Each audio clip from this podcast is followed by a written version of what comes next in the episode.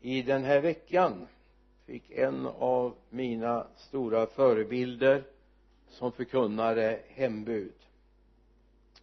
Georg Davidsson. Vi flyttade hem till Gud. Jag var väl åtta, nio år när han var och hade kampanj i min hemförsamling. Han var ytterligare någon gång senare men jag har väl hört till de där som har suttit som klistrad för att lyssna på dem som har varit i kyrkan hemma. Och när det gällde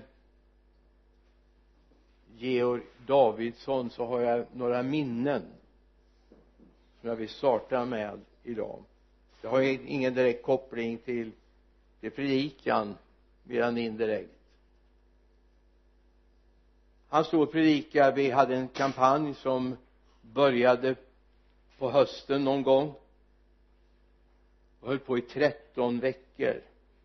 100 människor blev frälsta över 80 blev döpta under den här kampanjen.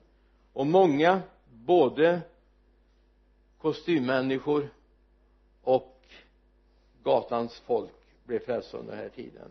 Det hände enormt mycket. Både bankdirektörer och uteliggare blev frälsta. Och någonting händer som etsade sig fast hos mig. Det var att han stod och predika en tisdagkväll tror jag det var. Min mamma ville att vi skulle vara hemma och läsa läxorna. Och jag säga det, det fanns inget i världen som kunde stoppa oss för att gå till gudstjänsten. Inget. Eh, mamma sa jag är hemma ikväll så annars får hon med sångarna men för ni ska hemma och läsa läxorna jag smög iväg ändå upp på rummet, tog på mig kläderna smög ut genom dörren och iväg till kyrkan. Och fick pappa se mig där. Men den här tisdagskvällen mitt i predikan stannar Georg. Och så tittar han ut så här. Gud säger att här sitter det någon som tänker ända sitt liv ikväll du har gett Gud en sista chans. Sen fortsätter han predika och säger jag ska ge några detaljer till det här. Du checkade in och då sa han precis på klockslaget på hotellet här i stan. I din handväska finns det en pillerburk och jag kan läsa och han läste vilken läkare som hade skrivit ut den. Han skrev, talade inte om vilken medicin det var han talade om precis hur stor den var. Den hade du tänkt använda ikväll. För du har en hjärntumör och ska iväg för att få opererad i Göteborg på Sahlgrenska. Men just nu vill Gud hela dig och rädda ditt liv. Sen går det vidare. Det tar väl kanske en fyra fem veckor då får vi beskedet. Det var en kvinna från Stockholm som var på väg till Göteborg för den här operationen just den här tisdagskvällen. Hon ger sig inte till känna offentligt i gudstjänsten utan senare till våran pastor Nils R. Karlsson den kvällen. Ringer upp honom och säger jag måste få lämna mitt liv i Guds händer och jag vill ta emot helande fem, sex år senare hör vi av den kvinnan då lever hon fortfarande. Helt helad. Det är gott med människor som är profetiska. I efter, eller idag ska vi tala om ett tema lev i tro. Eller lita på Gud. Lev i tro. Eller lita på Gud. Eller både och och vi ska ta det med till bibelns andra bok. Som i de flesta biblarna heter Exodus. I vår bibel heter den andra Mosebok. Kapitel 14 jag börjar på vers 11 det här är strax efter, det är en tid efter som eh, Mose har fått tagit de här hundratusentals människorna ut ifrån Gosens land i Egypten och är på väg hem till Jakob och Isaks land. Josefs släktingar som hamnade i Egypten faraorna var glada för dem från början blev mer bekymrade så småningom. Nu är de framme vid en vägskäl kan man säga i fjortonde kapitlet vers 11 och det sa till Mose fanns det inga gravar i Egypten eftersom du har fört oss hit för att dö i öknen? Vad har du gjort med oss? Varför förde du oss ut ur Egypten? Var det inte det vi sa till dig Egypten? Vi sa låt oss vara så att vi får tjäna egyptierna det hade varit bättre för oss att tjäna egyptierna än att dö här i öknen. Moses svarar folket. Var inte rädda. Stanna upp och bevittna den frälsning som Herren idag ska ge er. Så som ni ser egyptierna idag ska ni aldrig någonsin se dem igen. Herren ska strida för er och ni ska hålla er stilla. Sedan sa Herren till Mose varför ropar du till mig? Säg till Israels barn att de ska dra vidare. Lyft din stav räck ut handen över havet och klyv det så att Israels barn kan gå rakt igenom havet på torr mark. Se jag ska förhärliga förhärda Egyptens hjärtan så att de följer efter dem. Och jag ska förhärliga mig på farao och hela hans här på hans vagnar och ryttare. Egyptierna ska inte ska inse att jag är Herren när jag förhärligar mig på farao på hans vagnar och ryttare. Jag på att säga det som kommer sen är nästan barn inte barntillåtet vi kommer till en liten passus till det situationen är väldigt allvarlig egentligen. Dessa mängd av israeler Egypten eller Josefs anförvanter och Isaks anförvanter som nu under något hundratal några hundra år hade varit kvar i Egypten efter det att Josef var död och de eh, krävde att de skulle göra mer och mer för lika lite lön som de hade haft förut. Det var hela tiden ökade krav. Många gick under. Gud kallade på Mose för att ta dem ut ur Egypten. Nu var de där vid Röda havet. Det djupa havet framför. Berg på sidorna.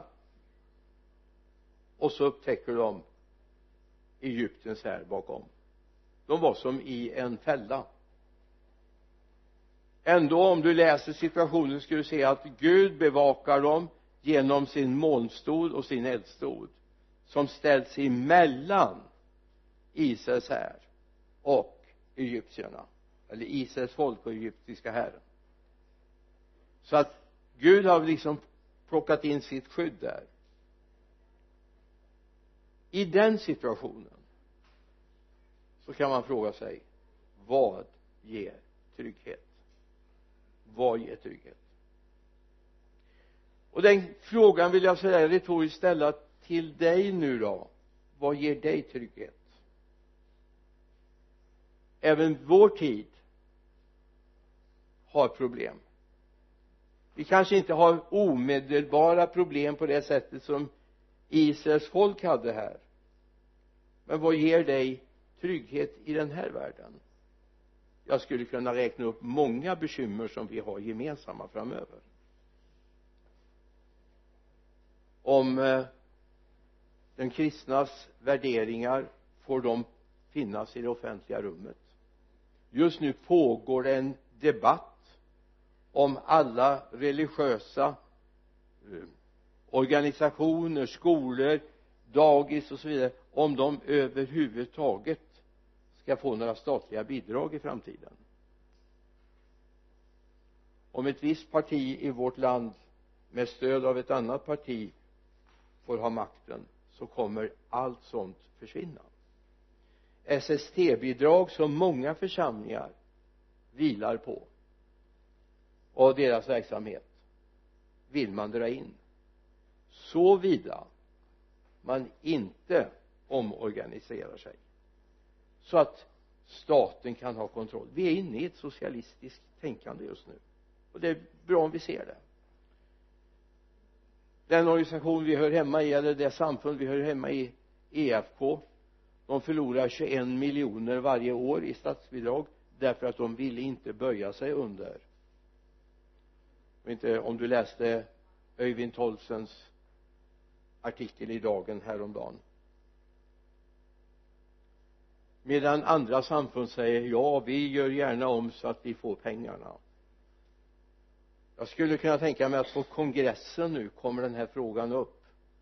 Ska vi avsäga oss alla bidrag för att stå fria?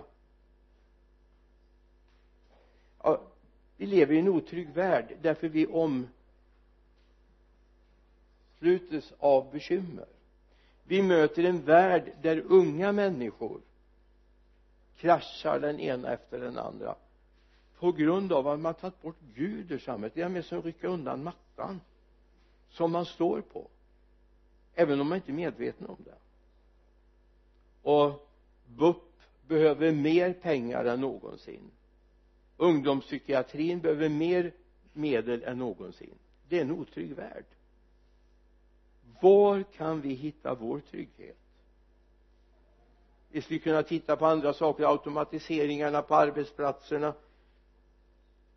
Ska man få lön även om man inte arbetar framöver? Eller hur går det med utlokaliseringen av arbetstillfällen i vårt samhälle? Ja egentligen är det här små frågor. Det är värre. Det är att den onde håller på att infiltrera eh, i det politiska livet. Och då är frågan vad litar vi på? Vad litar du på? Litar du på ekonomin och pengar och det du har på bankkontona över en natt kan det vara borta. Vad litar vi på? Var har vi vår trygghet? Israels barn de hade sin trygghet i så länge de fick leva och slita och släpa och gnälla och i Egypten. Men tillsammans med Mose kände de sig väldigt otrygga. Men medan Mose hade gått en annan resa från en väldig otrygghet till en väldig trygghet. Och vi ska se vad berodde det på? För det var ingen enkel sits han hade att leda den här församlingen. Det är aldrig lätt med att jobba med människor var en pastor som sa undrar bara vad man skulle jobba med som pastor om man inte jobbar med människor. En församling med robotar. Jag tror inte det är någon framtidsutsikt. Då finns det ett ord. David har en sång i saltaren. Den artonde salmen. Har vi den tonsatt tro? Många gånger? Ja. Och många versar? Men vi tar ett par verser vers två, tre, fyra då, tre verser. Han sa hjärtligt kär har jag dig herre min styrka. Herre mitt bergfäste min borg och min räddare. Min Gud min klippa och min tillflykt. Min sköld och min frälsningshorn mitt värn. Va? Hjärtligt kär har jag dig herre min styrka. Herre mitt bergfäste min borg och min räddare min Gud min klippa och min tillflykt min sköld och min frälsningshorn mitt värn. Och så fortsätter vers 4 jag ropar till Herren den högt lovade och jag blir frälst från mina fiender.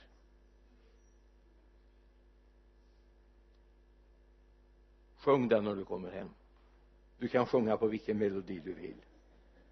Det är inte det viktigaste.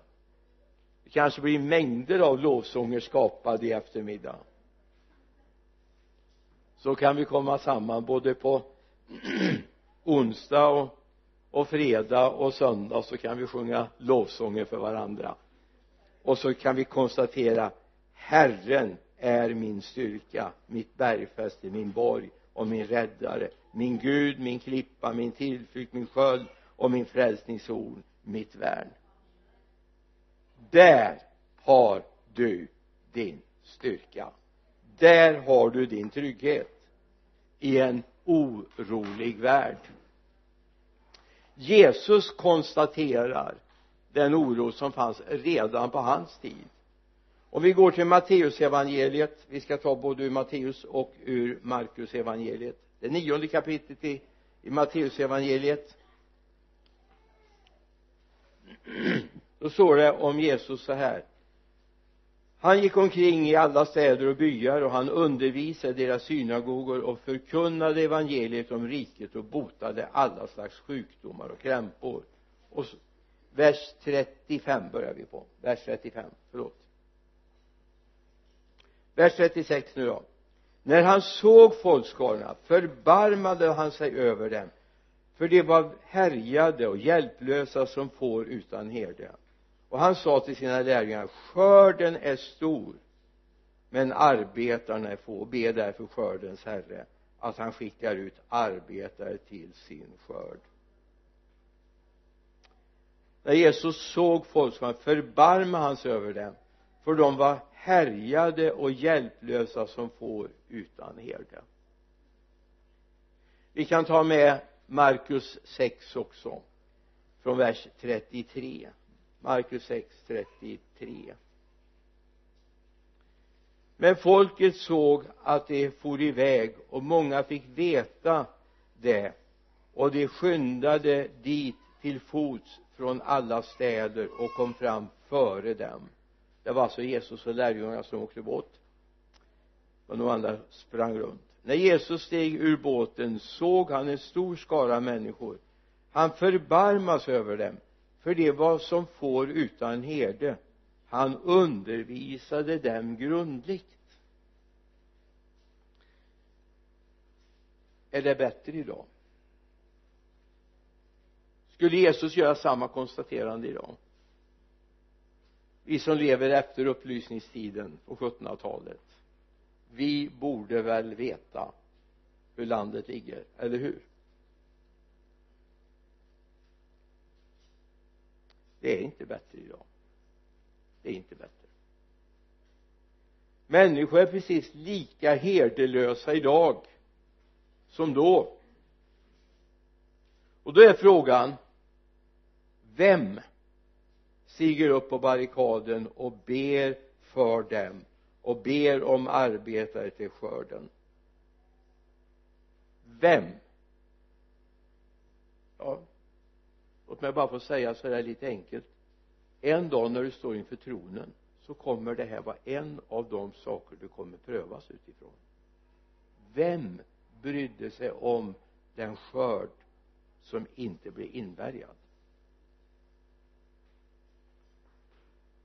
Du har ett bönansvar så får Gud kalla ut dig om han vill.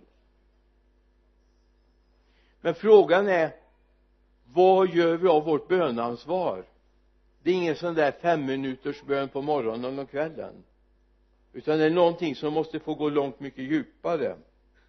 Det handlar om ett böneengagemang för den eller skörd som är på att gå förlorad de som är utan herde som är illa medfarna. Och då handlar det inte bara om missbrukarmänniskorna utan det handlar om människor som far illa i den här tiden. Jag på att säga du som finns på en arbetsplats. Du som finns i en trappuppgång. Du som finns och har ett kompisgäng. Du ser det om du vill. Och då kan vi säga så här ja det är ju synd om dem men säger vi bara så då är det synd om oss. Då kommer vi få stå till svars för det en dag. Vi har också ett ansvar. Vi har ett ansvar för den tid där vi lever nu. Och framförallt ett böneansvar. Be därför skördens herre att han sänder ut arbetare till sin skörd. Sen kan det ju finnas risk att du också blir en av dem som blir utkallade till skörden vår kallelse i den här tiden om Gud till någon del har fått gjort oss trygga i honom. Kom ihåg att den dagen du blir frälst så blir du inte frälst bara för din egen skull. Du blir frälst för din samtids skull. De lärjungar som Jesus kallade ut kallade han inte ut och sa att nu kan ni göra en liten enklav här för er själva. Ha mysigt fram till den dagen ni slutar era dagar här eller jag kommer och hämtar hem er. Utan alla drabbades av kallelsen. Och bland det sista Jesus säger är missionsbefallningen gå ut och gör alla folk till lärjungar.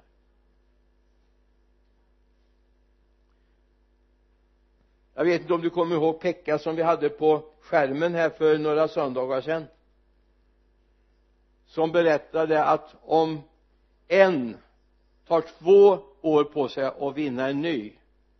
Och de två tar ytterligare två år på sig att vinna var sina. Och de fyra som där då sen tar ytterligare två år på sig att vinna ytterligare fyra, åtta, sexton, trettiotvå och så vidare. Och så det skulle stanna någonstans under en 40 års livsperiod att man har vunnit en miljon. Var det 40 000 tror jag var. En miljon 40 000 jag kommer inte ihåg. Men över en miljon människor. Och det är det naturliga. Allt annat är onaturligt. Det är det det handlar om. Jag menar vilket jobb du har haft med de andra. Ja det är jättebra. Men det kommer inte frågas i himlens port någonting om det.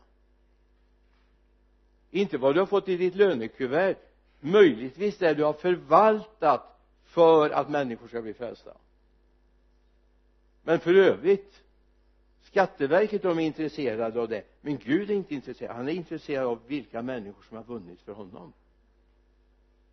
Det är det som är intressant. Och när vi har trygghet i Gud så gör vi det per automatik, eller hur?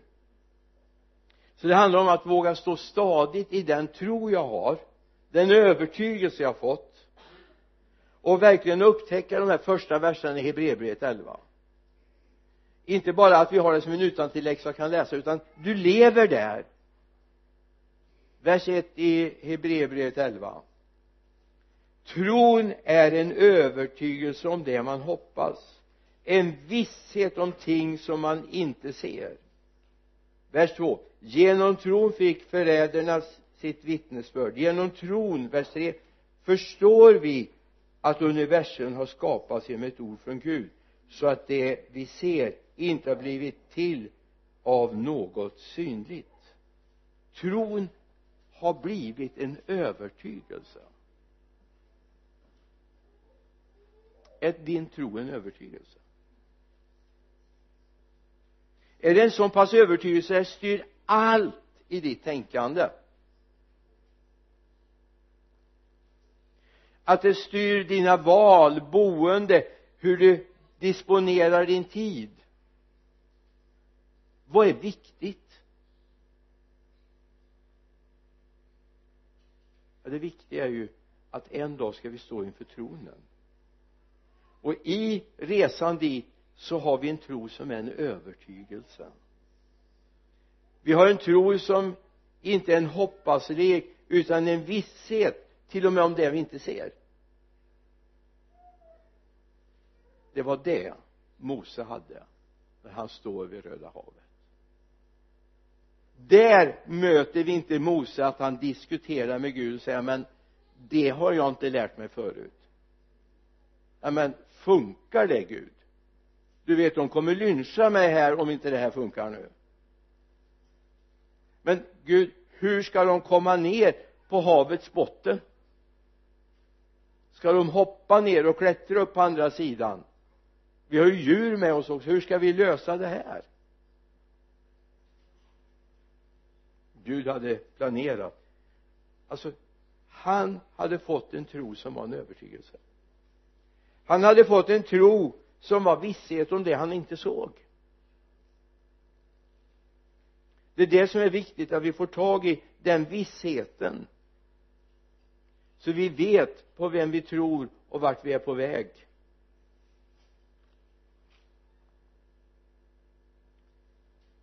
Det är tron på honom som bär. Mose litade på Gud. Vi ska säga att det var inte där Mose startade sin resa ändå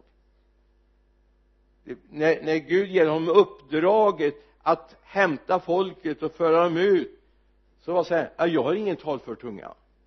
Du får skicka med mig någon jag kan inte tala. Och så fick han med sig Aron som talesperson och Guds vägnar och Mose vägnar. I eh, andra Mosebok 14, 21 och Mose räckte ut handen över havet och Herren drev då undan havet genom en stark östanvind som blåste hela natten. Han gjorde havet till torrt land och vattnet klövs itu Israels barn gick rakt igenom havet på torr mark medan vattnet stod som en mur till höger och vänster om dem. Och egyptierna följde dem alla faraos hästar, vagnar och ryttare och kom efter dem ut till mitten av havet. Men vid morgonväkten såg Herren ner från pelaren alltså eldsmolnet han såg ner från eldsmolnet på Egyptiens här och förvirrade dem. Han lät hjulen på deras vagnar lossna så att det blev stå svårt för dem att komma fram då sa egyptierna vi måste fly för Israel. Herren strider för dem mot egyptierna. Och sen lite längre fram så säger Gud till Mose räck ut din hand över havet och återställ dig igen. Alltså här är vi nu inne i liksom själva slutprovet på trosresans start här är det en stark Mose som står där. Han räcker ut handen över havet och Herren driver undan havet genom en stark östanvind och blåser hela natten. Han gjorde havet till torr mark och vattnet klös itu och Israels barn kunde gå som på torr mark över i havsbotten. Alltså här startar vi och det här är väl fantastiskt det är likadant om du någon gång får vara med och se en människa bli så här mirakulöst helad mitt framför ögonen på dig. Wow kan man nästan bli som Skevas sju söner va? Yes det här är ju häftigt. Det här skulle vi vilja vara med om, eller hur? Men det är inte så det startar. Kom ihåg att Mose hade fått betala ett pris för att vara här det hade kostat honom någonting. Det hade kostat honom bland annat 40 år i öknen innan han kom till den brinnande busken. Det hade kostat honom som han tyckte initialt nederlag inför farao. Visst en stav blev enorm. Vattnet förvandlades. Myggor gräshoppor och så vidare. Men trollkarlarna gjorde ju samma sak. Ända till sista natten. Då dödsängen gick genom lägret. Och de som hade blodet struket på sin dörrpost och sina dörr, sitt dörrträ de räddades. Men vi ska komma ihåg när vi ser sådana här häftiga grejer även i vår tid så har det kostat ett pris det är inte så att bara med helt plötsligt så börjar det hända grejer att du lägger händerna på en sjuk och så händer det. Utan det finns ett pris som har betalats för det. Om du längtar efter att få se människor bli frälsta och förvandlade ja visst ditt vittnesbörd är viktigt. Men det kommer kosta någonting mer för annars blir det bara en tillfällig händelse. Någonting som bara blåser över ganska snart. Men här hade Mose kommit i ett läge där han handlade i tro på en, och en tillit till en Gud som han hade lärt känna. Det finns en bakgrund. Nu berättas det några kapitel senare i andra Moseboks sjuttonde kapitel. Men här har du en hemlighet till att Gud kan använda Mose på det här sättet. Det är bra om vi ser lite grann anledning och bakgrund. Sjätte versen, vi nöjer oss med den. Andra Mosebok 17 och 6 se jag ska stå där framför dig på Horebs klippa. Och du ska slå på klippan. Då ska vattnet komma ut ur den så att folket får dricka. Mose gjorde så inför det äldste i Israel. Alltså det presenterar någonting. Gud säger någonting. Och Mose gör det. Gud säger någonting. Gud sa någonting när de stod där vid Röda havet. Och han gjorde det. Alltså tron måste få sätta sig i rörelse. Det måste hända saker. Vi måste våga lita på Gud vi må, måste våga göra, inte bara säga åh Gud det, det var häftigt. Utan säga Gud jag vill göra det. Det är som Petrus går på vattnet. Tyvärr har jag hört fler predikningar om hans sjunkande än att han faktiskt gick. Han gick från båten fram till Jesus. Punkt slut höll jag på att säga. Sen tog Gud hand om honom när han såg vinden och vågorna. Och så länge vi ser Jesus men det är precis det här djävulen vill. Han vill att vi ska få se problemen och omständigheterna och hur bekymmersamt det är. Men Mose hade lärt sig läxan. Han visste att om jag gör precis det Gud säger och inget annat då händer det. Har du läst om Moses kommer du kunna se att det finns lite diskussioner mellan honom och Gud men till och med Moses säger det att om du tänker förgöra folket då ställer jag mig här så får du börja med mig i så fall. Då ska jag gå över mitt liv. Vi ska komma ihåg också att när det här händer så fanns det motstånd. Det fanns motstånd. Och då tänker jag inte på den egyptiska hären. Jag tänker på det egna folket. Det är ofta de stora bekymren det är inte världen det är inte djävulen utan det finns otroende medlemmar i kyrkorna. Som ofta gör problem. Det var det han hade här. Vi läste ju då i inledningen här att eh, i fjortonde kapitlet andra Mosebok. Och det sa till Mose fanns det inga gravar i Egypten eftersom du har fört oss hit för att dö i öknen? Vad har du gjort mot oss? Varför förde du oss ut ur Egypten? Var det inte det vi sa till dig i Egypten? Vi sa låt oss vara så att vi får tjäna Egypten. Det hade varit bättre för oss att tjäna Egypten där och att dö än dö här i öknen. Alltså det här otrostänkandet. Nej men det här går inte. Så har man aldrig gjort förut han har aldrig gjort så förut. Det här blev väldigt tydligt för mig häromdagen när jag lyssnade på en sån här Facebook-sändning ifrån våran kyrka i Lidköping. När eh, Benny Lindqvist berättar storyn om den kyrkan när nio personer ni som har varit i Lidköping och sett hela det huset. Det var nio personer i församlingen när det här byggdes. 1904 det var innan Levi Petrus hade kommit dit som pastor och det började växa så det sprakade om det. Och man hade inte råd att betala slutnotan men de var nio personer som satsade. Sen fanns det säkert de som log och tänkte jaha de där läsarna det går inte så bra när kyrkan säljs på exekutiv auktion. De gör konkurs. Men Gud hade en hand med det också en man från Göteborg ser i Post och Inrikes Tidningar att en kyrka ska säljas på exekutiv auktion i Lidköping tar sig dit. 1904 det var ju inte bara att sätta sig i sin Cadillac och åka dit. Ropar in kyrkan och så går han till församlingen och säger ni ska få hyra den billigt av mig. Och den hyr de fram till cirka 1909 någonstans. 1910 så köper de den tillbaka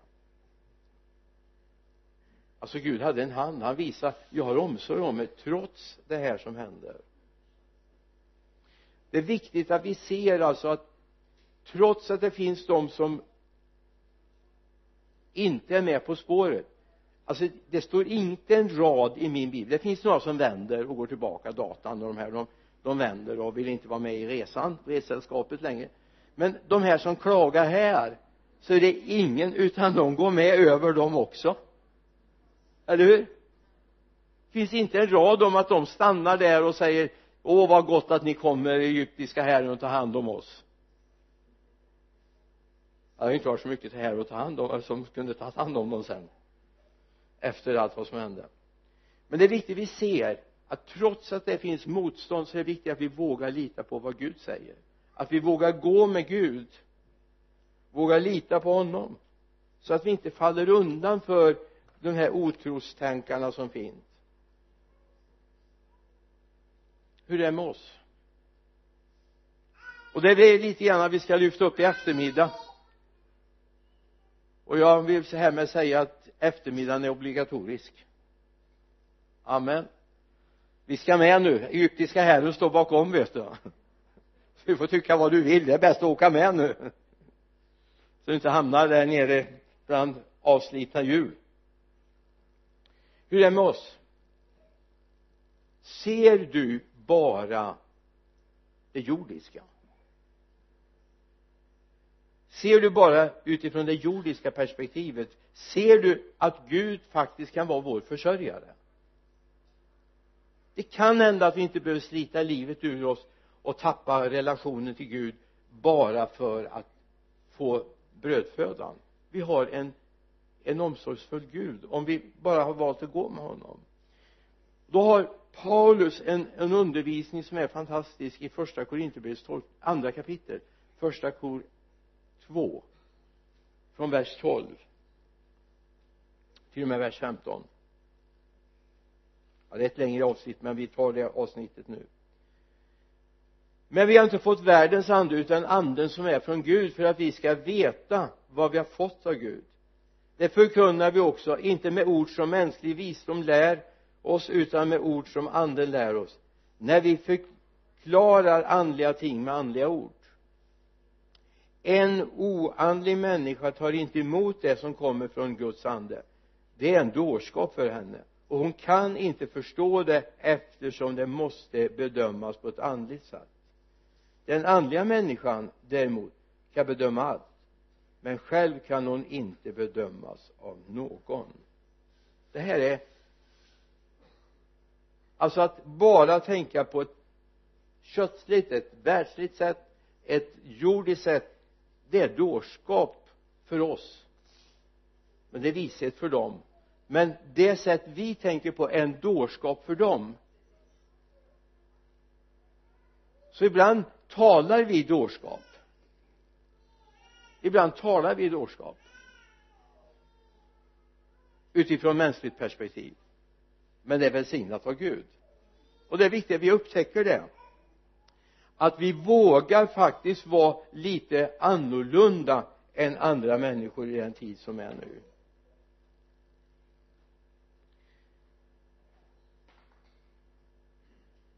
Jag ska bara ta väldigt kort jag har ett långt parti om det här men jag ska förkorta det för jag har en hel del till så att det blir som jag var pojk då fan det här med långt när jag skulle säga någonting var långt så hade jag bara en enda bild för det. Det var långt som en långtradare med släp. Därför jag satt på köksbänken och tittade när man lastade massa malarna ner på pappersbruket. De hade utlastning precis utanför vårt köksfönster. Vi bodde ju nästan inne på industriområdet. Ja det gjorde vi egentligen för staketet gick i våran mitt i våran gavlar på vårat hus så hade jag hoppat ut genom köksfönstret jag varit ute på industriområdet. Vi bodde 25-50 meter ifrån sodapannan. Tänk om den hade sprungit in i luften. Då hade himlen varit mycket närmare. Men det gjorde den inte. Men jag ska ta det här väldigt kort. Det är någonting som är viktigt det är att tron kräver rörelse, handling. Tron kräver handling. Det räcker inte att vi sitter i en liten grupp och säger att vi tror. Det är inte en teoretisk intellektuell övning att tro. Utan det är en handling det handlar om. Mose kunde ha stått där och sagt ja jag tror att du kan dela havet men han hade fått order att göra någonting. Eller mannen i apostlagärningarna 3 för att ta något helt annat apostlagärningarna 3 han som sitter där vid sköna porten. Och Petrus och Johannes kommer och går förbi. Och då han blir helad. Eh, han får styrka i sina fotleder då kommer nästa steg. Tänk om man hade tänkt så här ja det var väl fantastiskt bra det här men nu sätter jag mig här och tigger igen. Så kunde jag gå hem med pengarna sen. Nej han sätter sig i rörelse. Han kommer in i templet jublande hoppande glad. Du har det här i apostlagärningarna 3, 8 till 10 om den lame mannens reaktion. Och det är alltid så här tron sätter oss i rörelse. Vi måste göra det. Det räcker inte att vi sitter hemma på kökssoffan och säger jag tror det här. Jag tror att grannen behöver bli frälst. Ja men gå till grannen då. Jag tror att min arbetskamrat behöver Jesus. Och jag tror att det är tid nu att berätta för honom eller henne. Men gör det då. Tron kräver handling. Det krävde att Mose räckte ut handen det krävde att Mose på nytt räckte ut handen och havet var som det var från början. Så att tron kräver handling. För det är en sån övertygelse så vi vågar handla, eller hur? Kvinnan som blir helad från, från blödningar efter ett antal år. Vi har det i Matteus 5 från vers 27 och framöver så är, finns det någonting Jesus säger och jag tänkte först ja men det är bara en vacker fras. Men ju mer jag har sett på den så ser jag att det här kräver någonting.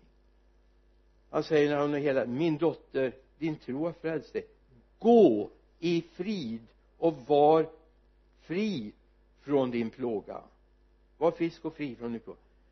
Alltså lev inte kvar där som om du fortfarande är sjuk utan handla, gör någonting, gå. Alltså sätt dig i rörelse. Lev ett nytt liv. Och det är så också med frälsningen. Det handlar om att leva ett nytt liv att släppa det som har varit för att gå vidare. För nu kommer ja, sensmoralen på det här då. Det är skillnad på en tro som har handling och en tro som inte har handling. Det är skillnad som mellan seger och, och nederlag. Vill du ha ett nederlagskristendom? Jag vet inte om det finns något sånt. Det finns ingen nederlagskristendom. Men vill du ha ett nederlagsliv? Gör ingenting. Tro bara. Sitt hemma på soffan och tro att hela Vänersborg ska bli frälst eller hela Trollhättan ska bli frälst att din arbetsplats människor ska komma till tro. Det handlar om att din tro måste sätta sig i rörelse. Och då finns det ett ord i romarbrevet 1 och 5 kunna läsa i romarbrevet 16 också men romarbrevet 1 och 5 genom honom har vi fått nåd och apostlaämbete för att föra människor nej för att föra människor av alla folk till trons lydnad för hans namns skull. Trons lydnad. Är du lydig i tro? Är du lydig i tro? Ja det är det det handlar om. Vi ska föra människor inte bara till tro utan vi ska föra dem till trons lydnad som ger resultat. Precis som vi sa förut om, om den här mannen som satt där hopkrumpen även Petrus och Johannes kunde ju gått förbi och sagt ja men vi tror att han kan bli helad. Han blir nog det i eftermiddag men nu går vi in till bönen.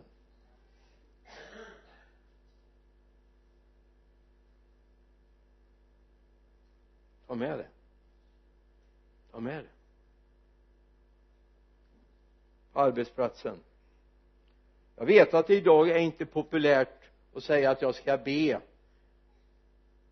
på arbetsplatsen.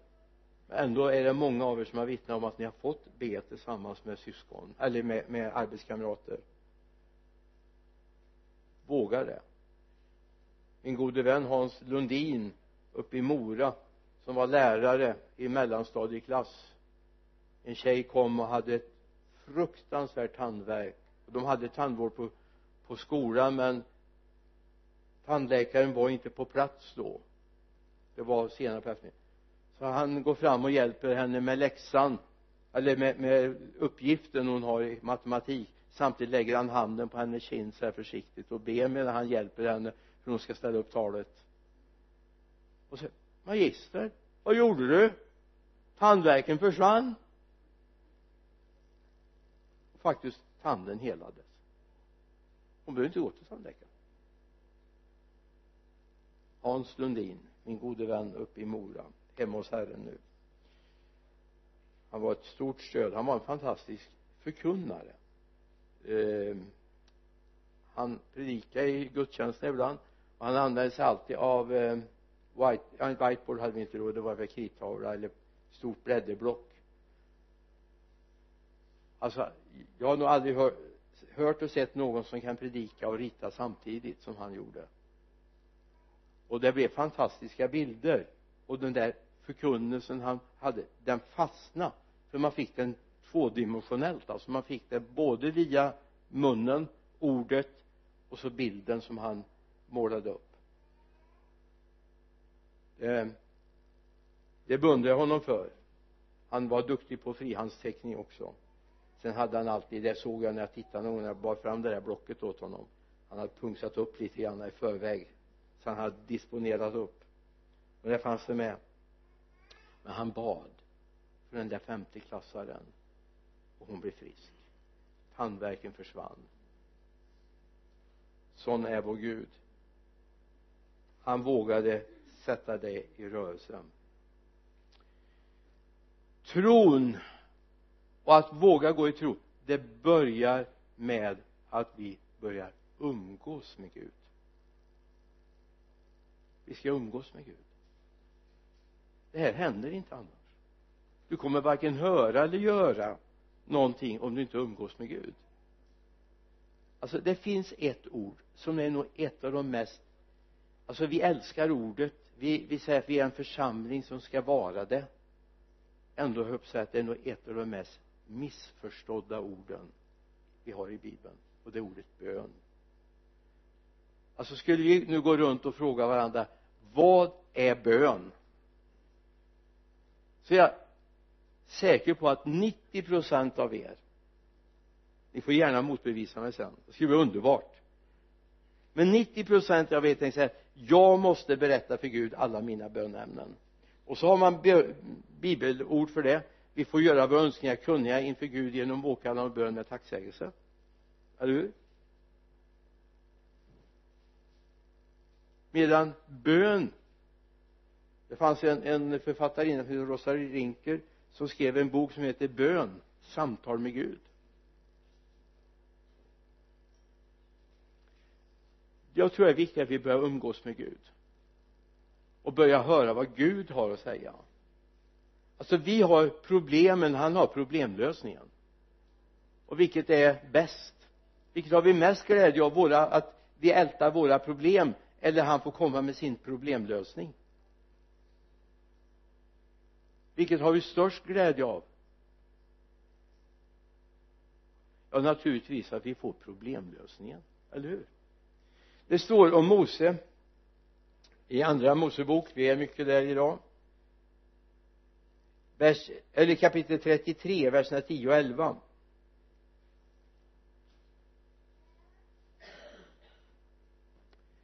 när allt folket såg molnstoden stå vid ingången till tältet reste sig alla och bugade sig till marken var och en vid ingången till sitt tält. Och Herren talade med Mose ansikte mot ansikte som när en man talar med en annan sedan vände Mose tillbaka till lägret men han tjänare Josua Nuns son som var en ung man lämnade inte tältet. Och Herren talade med Mose ansikte mot ansikte som när en man talar med en annan. Här har du lite grann av hemligheten till att han vågar räcka ut handen. Han vågar slå på klippan jag säger inte att Mose var ofelbar. Det var han inte alls. Vi skulle kunna hålla en hel föreläsning av alla misstag han gör. Men det skulle inte bli så mycket mer välsignad av, eller hur? Det är viktigt att tala om att han faktiskt reser sig och går vidare. När otron kommer över, när han slår sönder stentavlorna och så vidare. Men Gud han skriver nya stentavlor eller han får skriva själv stentavlorna andra omgången första gången hade Gud skrivit dem. Det hade varit spännande att se Guds handstil va? Eller hur? Men andra gången får Mose skriva dem. Det kanske inte var lika spännande. Du det står att Herren talade med Mose. Herren talade med Mose.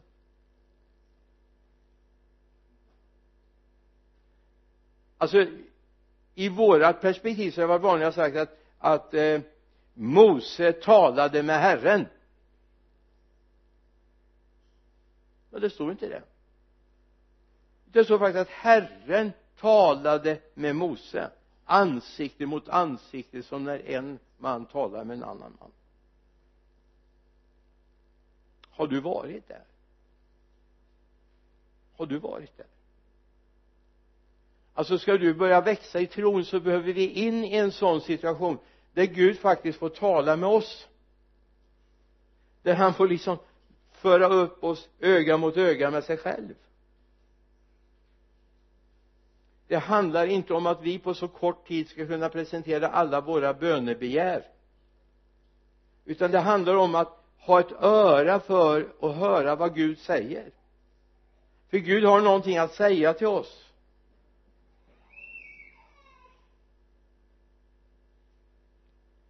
Det finns ett, ett sammanhang i, i femtonde kapitlet i andra Mosebok som är bara bevis på hur Mose lever i relationen med Herren. I vers 23 till 26 sedan kom de till Mara med det men de kunde inte dricka vattnet där eftersom det var bittert. Därför kallade de platsen Mara. Då klagade folket mot Mose och sa vad ska vi dricka? Men han ropade till Herren och Herren visade honom ett visst slags trä. Han kastade det i vattnet och då blev vattnet sött. Och så vidare. Vers 26 han sa om du hör, du hör Herren och din Guds röst och noga lyssnar till hans bud och håller alla hans stadgar så ska jag inte lägga på er någon av de sjukdomar jag la på egyptierna för jag är Herren din läkare. Det här var inte Mose som sa utan det här var Gud som sa till Mose därför han har lärt sig att lyssna. Herren talade med Mose. Skulle vi kunna säga Herren talade med dig? Herren talade med dig. Och nu måste vi ge honom chans att tala till måste sätta av tid. Och nu har jag tre saker jag ska avsluta med nu. Väldigt kort. Jag lovar. Men vi ska inte till Lidköping idag så jag har lite tid på mig. Och maten blir fem sekunder senare gör ingenting. Vi dör inte tror jag. Det blir lite frukt emellan. Tre saker som jag vill att du ska ha med dig nu. Det här är sammanfattningen. Punkt ett. Din personliga relation till Gud. Din personliga relation till Gud. Det är det vi kallar för kammarbönen det är att umgås med Gud och det står i eh, bergspredikan Matteus 6 5-8 och när ni ber ska ni inte vara som hycklarna som älskar att stå och be i synagogorna och i gathörnen för att synas inför människor. Jag säger sanningen. De har fått ut sin lön nej när du ber gå in i din kammare och stäng din dörr och be till din far som är i det fördolda. Då ska din far som ser i det fördolda belöna dig. Och när ni ber ska ni inte rabbla tomma ord som hedningarna. De tänker att det ska bli bönhörda för så många ords skull. Var inte som det för er fader vet vad ni behöver innan ni ber honom om det så ha den perspektivet när du ska ha din bönestund. Gud du vet redan vad jag behöver. Var ge mig lösningen. Ge mig lösningen. Så punkt ett. Du kan aldrig, aldrig, aldrig om du vill bli en människa som vill vandra i tro och tillit till Gud du kan aldrig springa ifrån ditt eget personliga böneliv. Aldrig. Och det här är så viktigt. Om du ska låta ditt andliga liv, ditt kristna liv bli någonting att tala om. Det räcker inte att du skriver att du är kristen på på facebook eh, när du talar om vem du är. Det räcker inte. Det räcker inte att du kallar dig kristen utan det handlar om har du verkligen en relation med Gud? Umgås du med honom? Har du gett honom tid att tala in i ditt liv? Han kanske har helt andra saker för dig än vad du tänker dig själv. Och det är väldigt spännande. Gud har spännande grejer. Punkt två. Jag tänker inte göra det här allt för långt. Punkt två. Och det här kan du heller inte springa ifrån. Apostlagärningarna 2.42 så är det här grundstommen, pelarna för den första kristna gemenskapen och det är samma pelare idag. Det är eh, vi kan säga det höll troget vid apostlarnas undervisning. Vid gemenskapen brödsbrytelsen och bönerna. Och de böner som står här om det är den gemensamma församlingens gemensamma bön. Så de församlingar som har strukit det här med den gemensamma bönesamlingen. De har tagit bort en av pelarna. Alltså det går inte bara att säga så här vi, vi, vi, vi samlas lite grann i små grupper och har mysigt och vi ber lite på slutet. Så. alltså det, det är inte det så. Det här är när församlingen kommer samman till bön och lyssnar tillsammans där Gud får också låta nådegåvorna fungera det handlar om apostlarnas undervisning den gemensamma läran som vi har i Guds ord. Vid gemenskapen koinonian alltså det är, gemenskap är egentligen ett alldeles för svagt ord. Det står vi har full delaktighet i varandra. Ingen har någonting privat i den kristna gemenskapen. Utan allt ditt är mitt och mitt ska du inte bry dig om. Nej. Allt är vårt gemensamma ansvar vi är förvaltare åt Guds nåd. Så kom ihåg den personliga bönen församlingens bön du kan inte springa ifrån det om du vill växa i tro. Du kan inte det. Det är själva fundamentet. Så veckans bönesamling är lika viktig som något annat om församlingen ska bestå och du ska bestå. Du kan inte springa förbi det för det är en av pelarna undervisningen gemenskapen koinonian brödbrytandet och bönerna. Vi behöver alla fyra pelare. Du kan inte göra en parentes och säga nej men det hinner jag inte med. Det är grundläggande. Och den tredje punkten. Gör det Gud säger till dig. Gör det Gud säger till dig och det är klart för att slippa så är det lika bra att inte lyssna.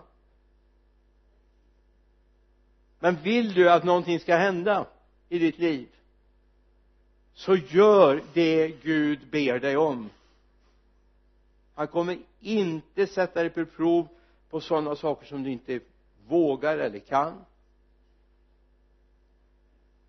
Utan Gud kommer låta dig få växa. Ett barn som börjat lära sig gå blir ju ingen arg på om de snubblar och faller, eller hur? Utan vi blir mer oroliga men bara inte blir rädda så vi inte vågar gå igen vågar prova igen. Sen kommer en period när barn börjar gå när de kommer i den där höjden vet med huvudet. Det är en farlig höjd. Bordshöjden med huvudet. Det blir många kollisioner lite nu och då alltså Gud kommer aldrig be dig göra det som du inte förmår. Han vill låta dig växa. Du behöver inte springa maraton före du börjar gå. Sen behöver du inte springa maraton ändå så att säga. Det finns mycket annat man kan göra. Det här med tre punkterna jag vill skicka med dig för att vi ska bli sådana här som likt Mose vågar sträcka ut handen. Vågar slå på klippan ditt personliga böneliv det gemensamma bönelivet prioritera det. Och det tredje gör det Gud säger för han kommer göra det du säger. Han kommer svara på dina böner. Amen. Jesus nu lägger vi det här inför dig far och vi vill att du ska verka i våra hjärtan och att vi ska vara lyhörda för vad du har i beredskap för oss Jesus jag ber herre att du ska hjälpa oss att få växa i tro och heliga gärningar. I Jesu namn. Amen.